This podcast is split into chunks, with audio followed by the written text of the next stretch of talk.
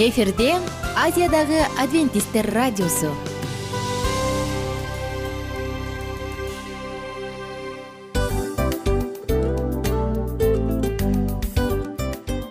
Достор салют. Баардык сүйүктүү угармандарыбызга салам айтабыз. Кутман күнүңүздөр менен.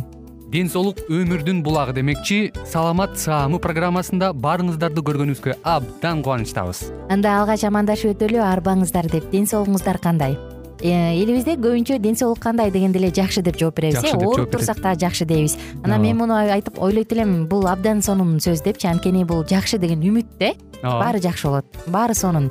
Деп үмүттөнүп атып эле өзүбүздү өзүбүз дарылап коебуз. Анысы кандай? Сиздин дагы ден соолугуңуз жакшы беш деген үмүттөбүз чындыгында ден соолук бул өмүрдүн булагы деп бекеринен айтылган эмес деп ойлойм. Кыргыз элинде анткени эгерде ден соолук жок болсо анда адамдын жашоосунда калган баардык керектүү маңыздуу нерселер өзүнүн баалуулугун жоготуп коет. Ошондуктан ден соолук бул эң керектүү нерсе. Ооба туура айтасың кесиптешим. Чынында ден соолугуң жок бир эки үч күн ооруп калсаң эле э кандай болуп калат? Жашоодо көз каранды болуп каласың көп нерсеге жетишпей каласың көп нерсени кыла албай каласың жада калса эчке дүкөнгө да чыга албай каласың. Туптуура анан ден соолук болсо демек биз биздин бактыбыз тоодой деп койсок болот. Анда достор саламат рубрикабызды баштайлы. Алдыда өзүңүзгө керектүү болгон сонун кеңештерди уга аласыздар. Мына ошондуктан биз менен бирге болуңуздар. Ал эми биз болсо милан жана айнура. Кеттик алга. Алга саламат саама ден соолуктун жарчысы. Саламат саама ден соолуктун ачкычы. Күн сайын сиз үчүн мыкты кеңештер сонун жаңылыктар кызыктуу фактылар биздин рубрикада.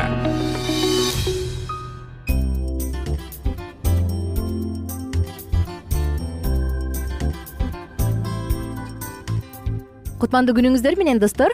Жалпыңыздарга сагынычтуу салам айтып кайрадан дал ушул толкундан үн алышканыбызга абдан кубанычтамын бүгүнкү тема табитке жаңы каалоолорду киргизүү. Мурунку уктурууда эсиңизде бар болсо кантип биз табитке жаңы киргизүүлөрдү киргизе алабыз? Кийинки уктурууда айтып беребиз дегенбиз мына убадамды аткарып жатам эмесе биз менен бирге болуңуз.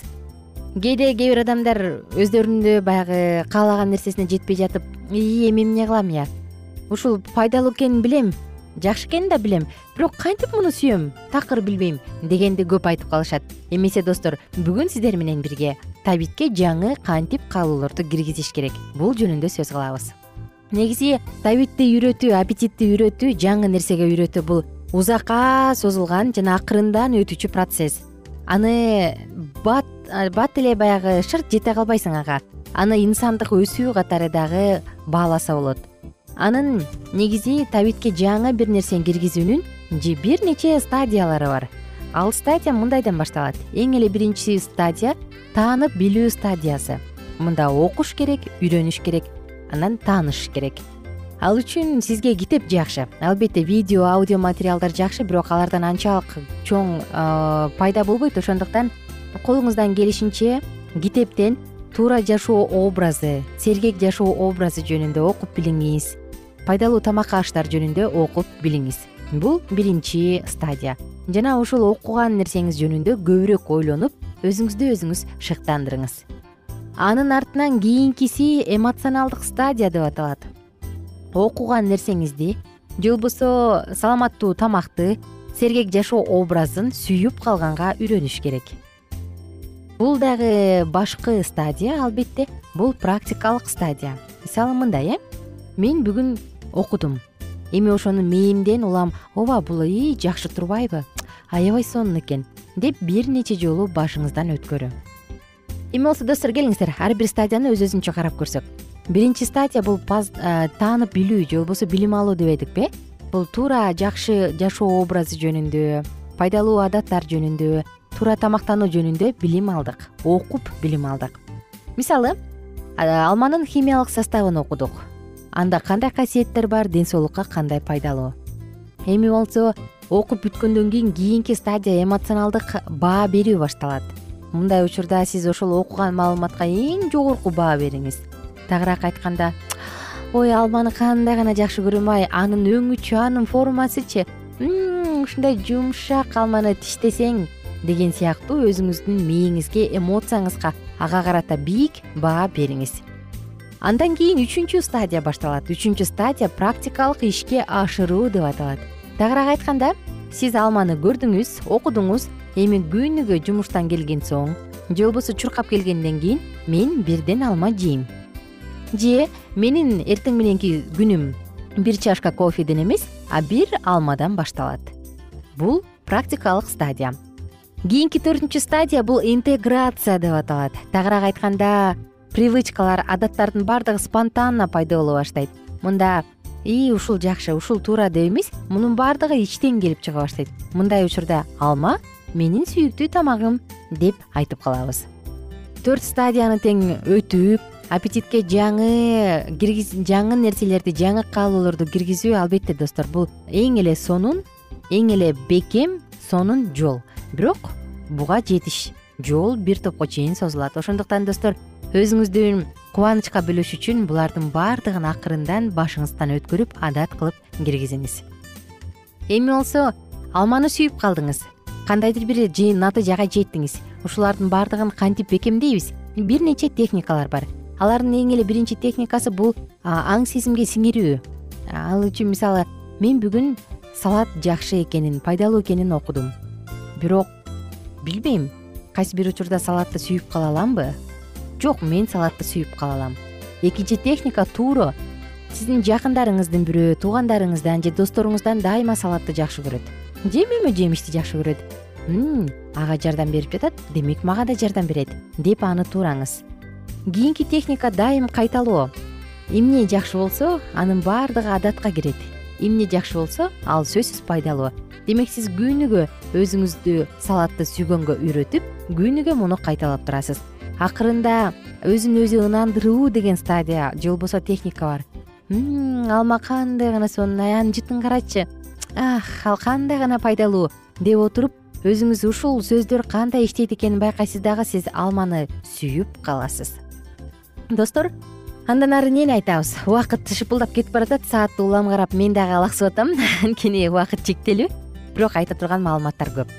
Эми болсо достор адамдын мээсинде бир укмуштуу нерсе бар. Бул сыйлык же сыйлык берүүчү цепь деп аталат. Нейрофизиологдордун изилдөөсүнө караганда бул мээбиздин механизми өзүнчө бир механизми. Мисалы кайсы бир кыйынчылыкты жеңгенден кийин анын артынан бир компенсация же болбосо сыйлык издеп калат эмессиңби. Мындай учурда биз жогоруда ээ болгон адаттар бизге кубаныч серотонин гормонун беришет оорчулукту жеңдиңизби? Демек өзүңүздү өзүңүз сыйлап кое аласыз. Айтор бул жакшы нерсе. Эгерде байкап өтүңүз достор. Эгерде адамдын баягы кубанычтын гормонун алыш үчүн кимдир бирөө алкоголдук ичимдикти ичсе баңги затын колдонсо же болбосо кыйын коркунучтуу нерселерди жасай турган болсо бул башында ооба кубанат. Бирок аягында көңүл калуу чөгүүлөргө деградацияга алып келет башында наркоман наркотикти кабыл алгандан кийин өзүн бактылуу сезип калышы мүмкүн. Бирок бир аз убакыттан кийин ошол бактысыздыкты жабыш үчүн наркотикти колдонуп калат. Ошондуктан достор туура жакшы адаттарды колдонолу келиңиздер. Жакшы нерселерге үйрөнөлү. Биздин табитибизде биздин аппетитте биздин каалоолорубузда жакшы нерселер бийлик кылсын. Майда майда кадамдар болсо дагы чыдаңыз. Майда майда болсо дагы бирок сизге чоң жеңиштерди алып келет. Анткени бул туура сергек жашоо образына жетелей турган мыкты адаттар. Баарыңыздар менен убактылуу гана коштошом. Кийинки уктуруудан дагы бир жолу амандашканча деп сак саламатта туруңуздар. Жана баарыңыздарга сагынычтуу салам айтканча күнүңүздөр көңүлдүү улансын.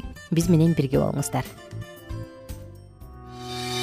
саламат саама ден соолуктун жарчысы. Саламат саама ден соолуктун ачкычы. Күн сайын сиз үчүн мыкты кеңештер сонун жаңылыктар кызыктуу фактылар биздин рубрикада. Салют замандаштар баарыңыздарга ысык салам.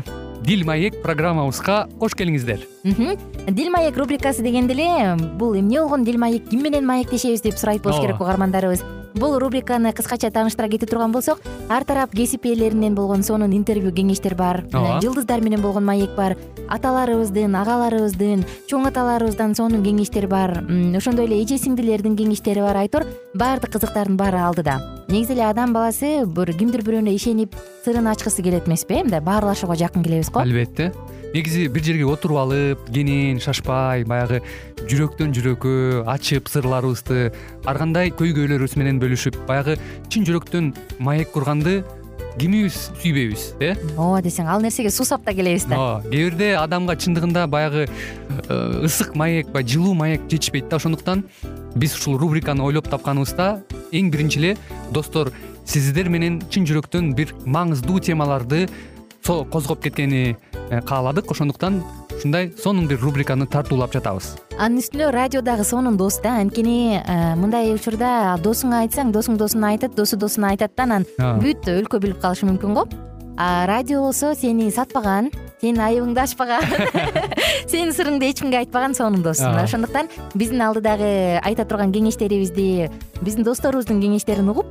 анан ал жака пикириңизди дагы калтырып кайрадан биз менен байланышсаңыздар болот. Деги эле жашооңузга эгерде кичине болсо дагы өзгөрүү алып моралдык жактан нравовик жактан сонун бир кеңештерди алсаңыз демек биз максатыбызга жеттик. Ооба. Чыңгыз атабыз улуу жазуучу э, чыңгыз айтматов айткандай адам болуу бул күнүмдүк процесс экен. Күн сайын адам бойдон калуу бул адамзатка эң эле кыйын дейт э? э эң кыйын дейт. Чындыгында бунун э, негизинде адамдын эң баягы сапаттуулугу адамдын э, адамгерчилиги жана көптөгөн керектүү нерселер мына ошол темалар дагы бизде ушул дил маекте биз аларды да козгойбуз. Ден соолук жөнүндө да сүйлөшөбүз. Сөзсүз түрдө. Анан милан мырза негизи айтып коюшат го? Биз көбүнчө эмнени ойлонсок ошол нерсеге карата иш кылабыз го? Ооба. Анан анысы кандай балким бул радио баракчада кимдир бирөөнүн оюн текшергенге жардам берет кимдир бирөөнүн жүрөгүн текшергенге жардам берет. Балким кимдир бирөөгө жашоонун маңызын тапканга жардам берет айтор кызыктын баары алдыда бул жөн гана кыскача жарнама анда угармандарыбыздын баардыгын кийинки рубрикабызга чакырабыз. Ал эми кызматта маңдайымда отурган кесиптешим милан жана мен айнура. Анда эмесе биз даярдаган терең терең ойлор менен таанышууга кеттик. Алыс алыс баралык анда эмесе достор биз менен бирге болуңуздар алдыда эң кызыктуу маалыматтардын баардыгы бир нече мүнөттөр бою жалгыз гана сизге арналат. Мына ошондуктан жакшы маанай менен угууну каалайбыз. Үн алышканча жөнөдүк. Ар түрдүү ардактуу кесип ээлеринен алтын сөздөр жүрөк ачышкан сыр чачышкан сонун маек. Дил маек рубрикасында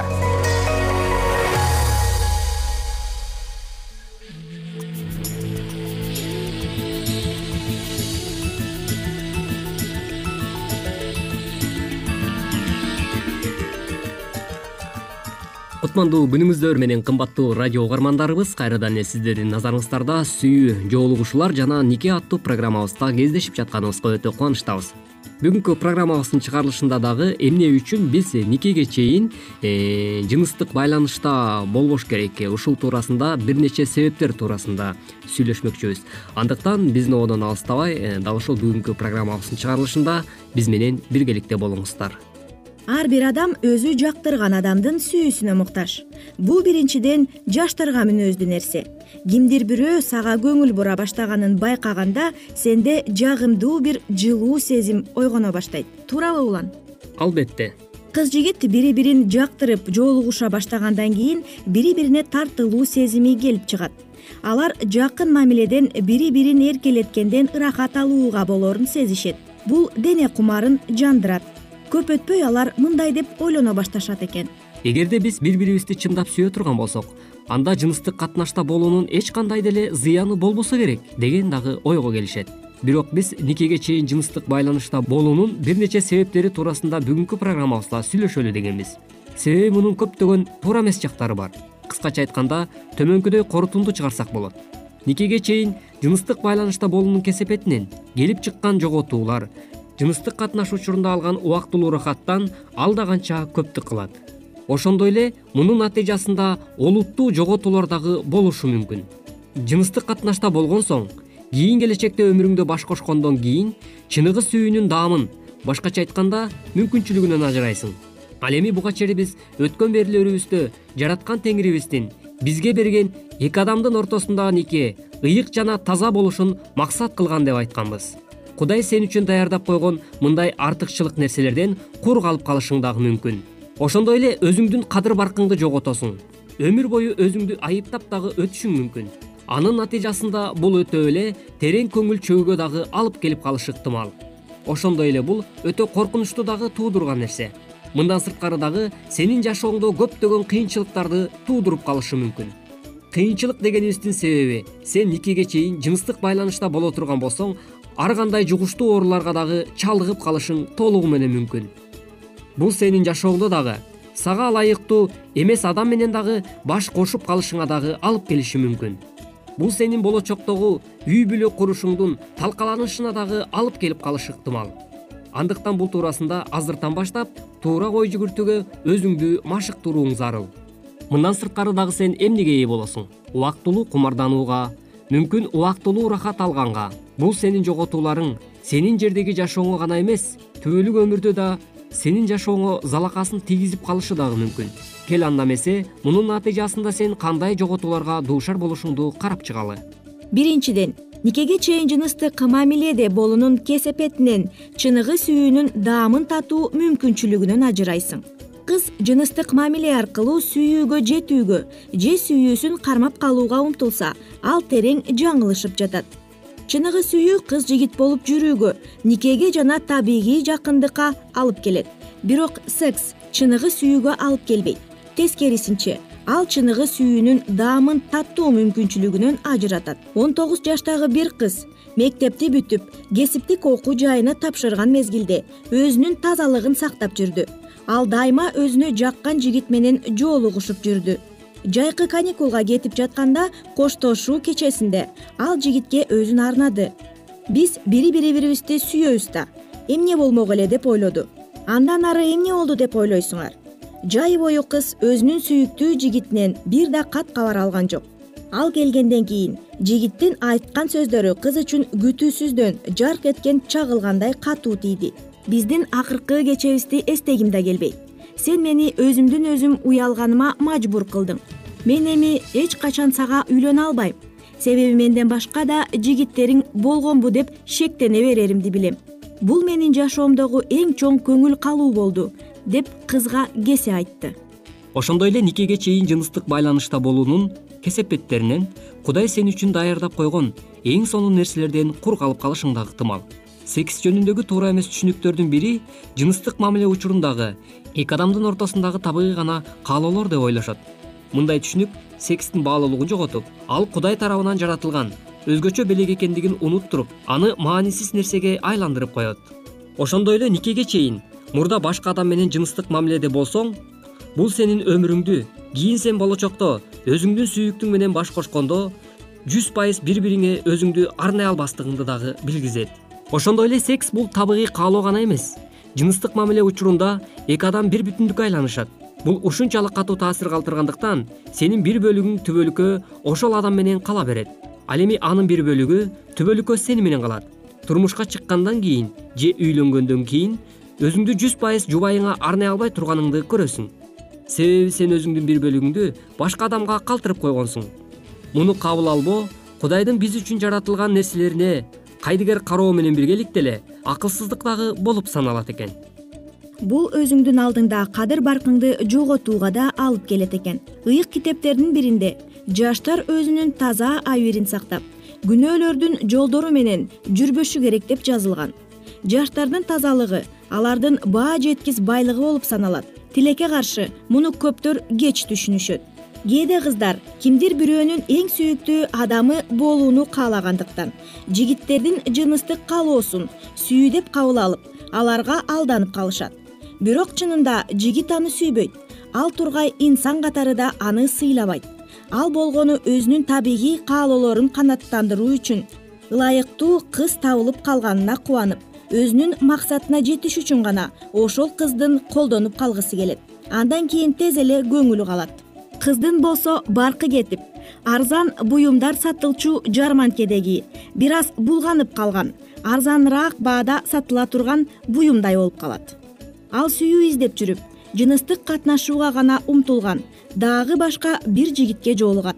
Ошентип өзүнүн алдында да башка адамдардын алдында да баркы кетип арзан буюмга айланып калат кымбаттуу угармандарыбыз. Ушуну менен бизге бөлүнгөн убактыбыз дагы өз соңуна келип жетти. Бүгүнкү программабыздын чыгарылышында сиздер никеге чейин жыныстык катнашта болуунун олуттуу кесепеттери туурасындагы маегибизге орток болдуңуздар.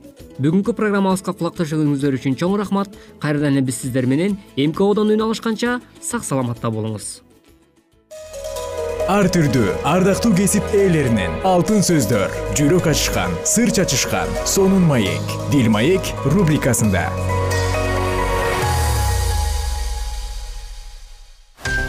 Жан дүйнөңдү байыткан жүрөгүңдү азыктанткан жашооңо маңыз тартуулаган жан азык рубрикасы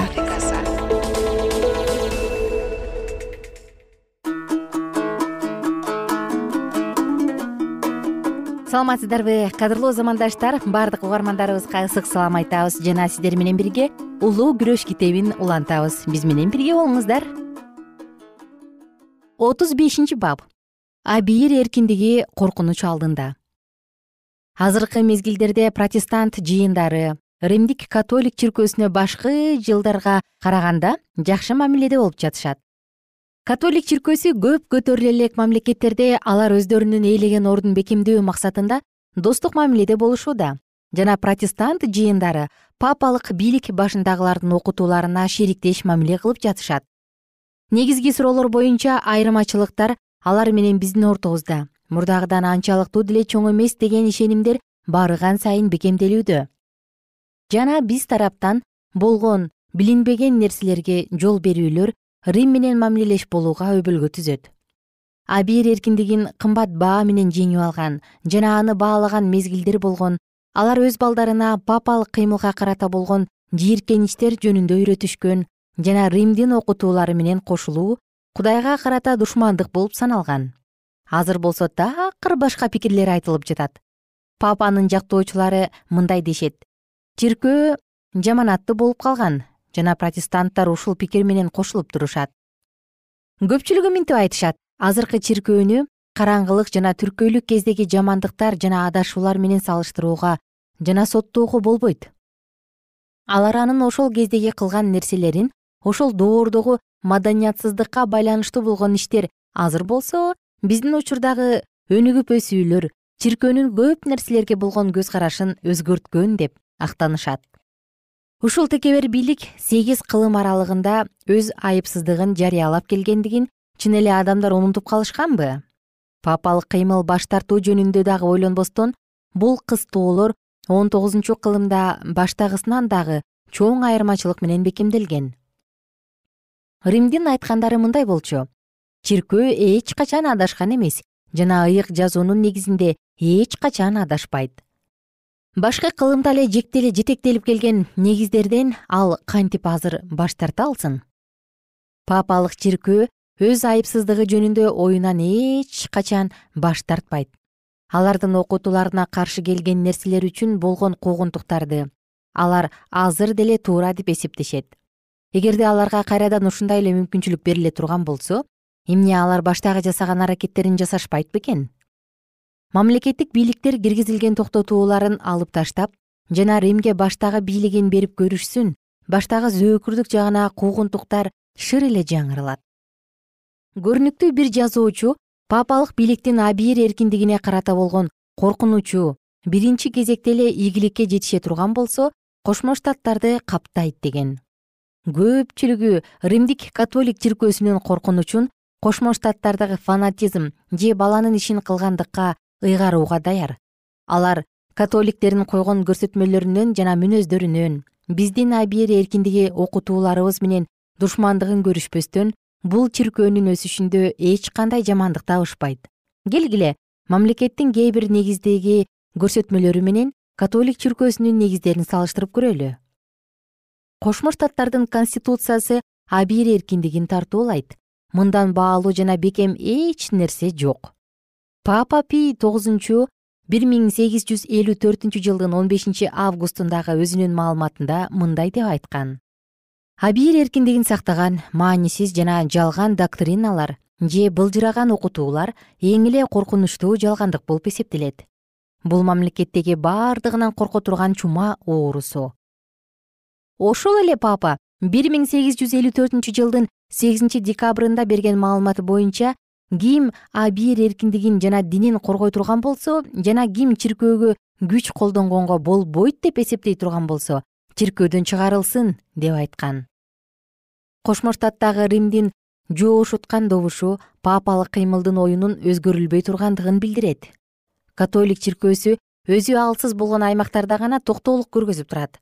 Епископ оу коунер мындай дейт диндердин эркиндигине католиктердин дүйнөсү үчүн залака келтирбей турган карама каршы негиздерди койгончо гана биз чыдамдуулук көргөзүп турабыз. Архиепископ сент луиса бир жолу мындай деп айткан. Жалгандык таратуу жана ишенбестик бул кылмыш. Мисалы италия жана испания сыяктуу христиан мамлекеттеринде баардык адамдар католик болуп эсептелет жана католик чиркөөсү мыйзам берүүнүн маанилүү ордун аткарса ал башка кылмыштарды жазалагандай эле жазалай алат ар бир кардинал архиепископ жана католик чиркөөсүнүн епископтары мындай деген сөздөр менен папага ант беришет. Мен боолгон күчүм менен жалгандык тараткандарды бузгандарды жана биздин мырзабызга тагыраак айтканда папага же анын жардамчысына тил албагандарды куугунтуктаганга милдет алам албетте римдик католик чиркөөсүндө чын жүрөгүнөн машаякка ишенген адамдар дагы бар. Бул чиркөөгө тийиштүү болгон миңдеген адамдар алар өздөрү алган жарык боюнча кудайга кызмат кылышууда. Жана аларга кудайдын сөзүн эркинче окуганга жол беришпейт. Жана ошондуктан аларга чындыктар жеткириле элек. Алар кудайга чын жүрөктөн кызмат кылуунун айырмасын жана жол жобо эрежелерин жөнөкөй гана аткарылып жаткандыгын эч качан көрүшкөн эмес. Адамдын жанын жандандыра албаган ушул курула элестетүүлөргө болгон ишенимдеги адамдарды теңир кылдаттык менен карап турат аларды курчап алган калың караңгылыкты. Кудай жарыктын нурлары менен таратууга аракет кылып жатат. Кудай аларга машаяктагы болгон чындыкты өзүндөгүдөй кылып ачып берет жана алардын көпчүлүктөрү анын элинин катарына кошулушат. Бирок католиктердин көз караштары бүгүнкү күндө дагы машаяктын жакшы кабары менен баштагысындай эле биримдиги жок. Протестант жыйындары караңгынын алдында калып калышат. Болбосо алар мезгилдин белгилерин билишет болчу католик чиркөөсүнүн алыска кете турган иштөө ыкмасынын пландары бар жана анын таасири кеңейтип бийлигин бекемдөө максатында көптөгөн каражаттар колдонулуп жатат.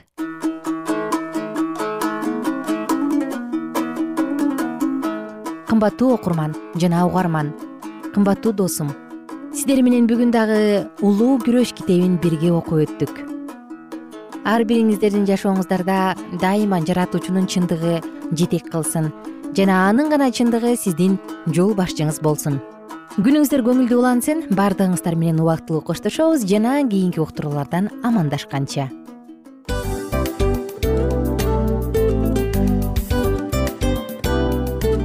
Ушул менен достор программабыздын уктуруубуздун эң кайгылуу мөөнөтүнө келип жеттик кайгылуу дегенде ыйлагым келип кетти кесиптеш. Кадимкидей. Анткени баягы учурашасың анан коштошуу учур келгенде ии кантип ии эми бат баттан келиптир э сагындырбай деп атып араң коштошобуз го.